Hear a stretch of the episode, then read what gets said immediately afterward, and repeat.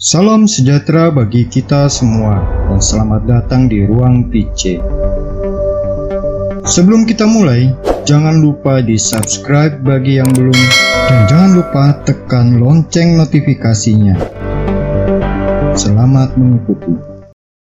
Seorang penulis bernama James Chapman pernah membuat sebuah penelitian tentang buku yang paling banyak dimiliki dan dibaca selama 50 tahun dari hasil penelitian itu, Alkitab mencapai penjualan sebanyak 3,9 miliar eksemplar selama 50 tahun terakhir. Buku laris lain seperti kutipan dari karya Mao Zedong berada di urutan kedua dengan 280 juta eksemplar terjual dan Harry Potter berada di urutan ketiga dengan 400 juta eksemplar terjual. Alkitab secara etimologi berasal dari kata al dan kitab yang artinya sang buku atau bukunya buku, buku sejati. Kata Alkitab dalam Islam dapat berarti Al-Quran, sedangkan bagi umat Kristen artinya kitab suci, sabda Allah. Sebenarnya ada perbedaan pemahaman kitab suci dalam Judaisme, Kristen maupun Islam. Dalam Judaisme dan Kristen, kitab suci adalah sabda Allah atau perkataan Allah melalui para nabi.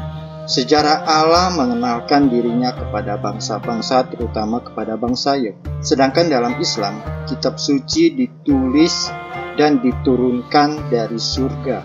Kitab suci Yahudi maupun Kristen pada awalnya disampaikan secara lisan atau diajarkan secara turun-temurun yang kemudian berdasarkan ilham Roh Kudus. Semua pengalaman bersama Allah, sabda yang adalah perkataannya ditulis dan disalin berulang kali dari masa ke masa. Tulisan-tulisan itu suci karena disucikan. Penulisannya dan penyuntingannya oleh manusia dan dengan segala keterbatasan pengetahuannya dan bahkan kekeliruannya itu sebab di dunia ini ada terdapat banyak versi kitab suci dan revisi berdasarkan penggunaan bahasanya dan perbaikan terjemahannya. Alkitab atau kitab suci harus dilihat sebagai buku iman, kesaksian iman akan karya keselamatan yang dilakukan Allah, yang pada awalnya diwariskan secara lisan dan kemudian oleh ilham roh kudus. Kisah-kisah itu ditulis Penulisan-penulisan kitab-kitab pertama-tama ditulis dalam bahasa Ibrani, Aram, dan Yunani dengan gaya dan sastra yang berbeda-beda dan anonim. Rentang waktu penulisan terjadi selama kurang lebih satu milenium, yaitu 2000 sampai 3000 tahun yang lalu. Zaman dan kebudayaan yang tidak kita kenal sama sekali tetapi inspirasi dari kitab-kitab itu masih relevan sampai sekarang. Dalam konstitusi dogmatik tentang wahyu ilahi, Dei Verbum, Konsili Vatikan II menegaskan kitab ilahi seperti tubuh Tuhan sendiri selalu dihormati oleh gereja, yang terutama dalam liturgi suci. Tiada hentinya menyambut roti kehidupan dari meja sabda Allah maupun tubuh Kristus dan menyajikan kepada umat beriman. Bersama dengan tradisi suci selalu dan tetap dipandang sebagai norma iman yang tinggi.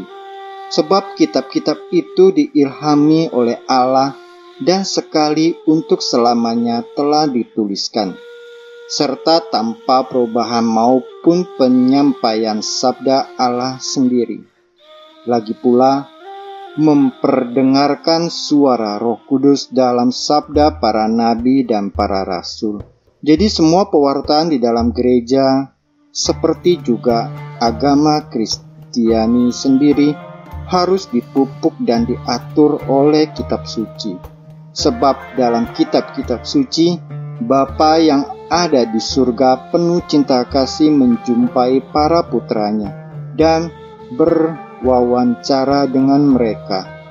Sedemikian besarlah daya dan kekuatan sabda Allah sehingga bagi gereja merupakan tumpuan serta kekuatan, dan bagi putra-putri gereja menjadi kekuatan iman, santapan jiwa, sumber jernih, dan kekekalan hidup rohani, sesuai De Verbum artikel 21.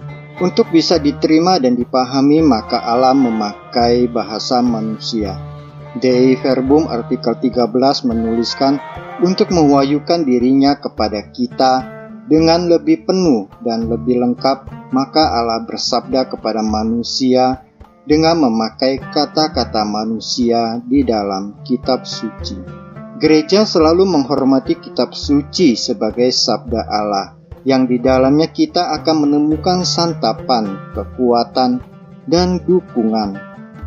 Gereja mengajarkan bahwa Allah lah sang pengarang kitab suci itu sendiri.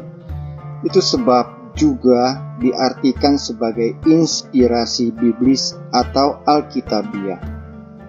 Allah memakai alat-alat manusiawi untuk melaksanakan kehendaknya manusia hanya menulis sesuai kehendak Allah.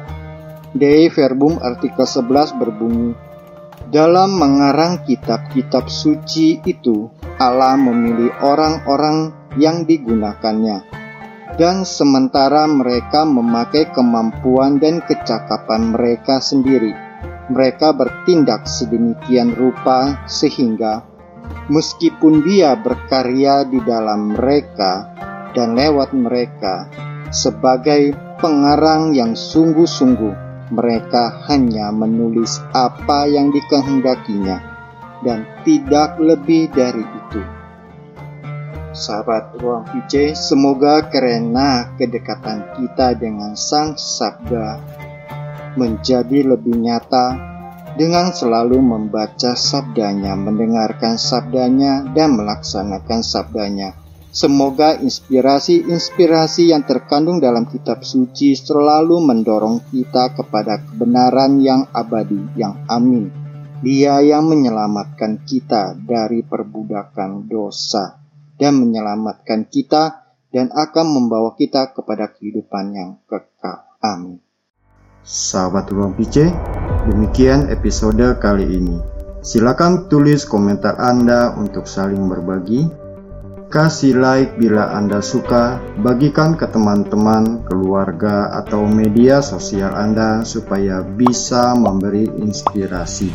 Subscribe atau tekan tombol loncengnya supaya Anda selalu mendapat pemberitahuan setiap ada video baru.